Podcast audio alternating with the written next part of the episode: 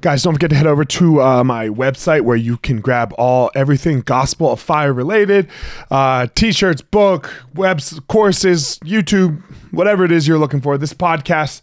So, elliottmarshall.com. Go grab your shirts, go grab the book. Get it. I'd love I'd love for you to really jump in and join and be part of the tribe. So, guys, hope everyone's well. Hope everyone's happy and healthy. Um, man, last week we talked about this idea of no plan B, right? Like if you want it, you gotta you gotta want it as bad as you want to breathe, right? That was last week. So, what do you do? Like Elliot, what do I, you know? What what is there to do? Um, and and this this world, this this this self development, personal development world, it's an interesting one because I don't want to tell you what to do. Like I I, I don't know it's got to be for you what i know. That this is what i know. You you have to find something you're passionate about. You have to i don't care what it is. If you like to if you're a woodworker i, I got a buddy oh look he's my neighbor.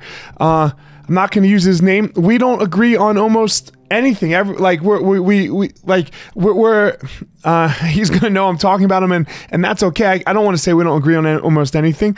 Look we raise our family. We do our very best. We, we we agree there you know on like worldly topics. We don't really agree and that's fine but he listens. He listens to this podcast and he he works with wood. And that's what he does for a fucking living. Uh, is he a millionaire? Millionaire? I have no clue uh, I highly doubt it. Is is he famous? No, no, no, he's not famous. Is he gonna be? No. But look, man, he gets to wake up every fucking day and he gets to do what he want with do what he wants with his life because he he's got a passion and he chases it. And he gets better at it and he gets better at it and he does work at it and more and more and more and more and he keeps okay, I'm gonna I'm gonna get I'm gonna build my skills. That's that's it. So that, that that's it. I, I don't know what else to say other other than that. Find what it is that you're passionate about. Get really fucking good at it and then go give it to the world. This is what discover your passion find your power and go give it to the world means. It, it's not what i it's not what elliot does. It's not what what you know lebron james does. You you you can't be me. You can't be lebron. I can't be you and that's fine right? Don't get all wrapped up into, oh, I'm telling you what to do. I'm not telling you to do shit other than go find your fucking thing. Go find your thing, and I'm here to help.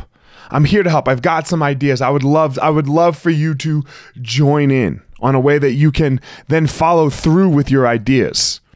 Right? That's that's why that's why I do this. If you don't find it helpful, man, no problem. No problem at all. Don't listen. Um, but that's what this means.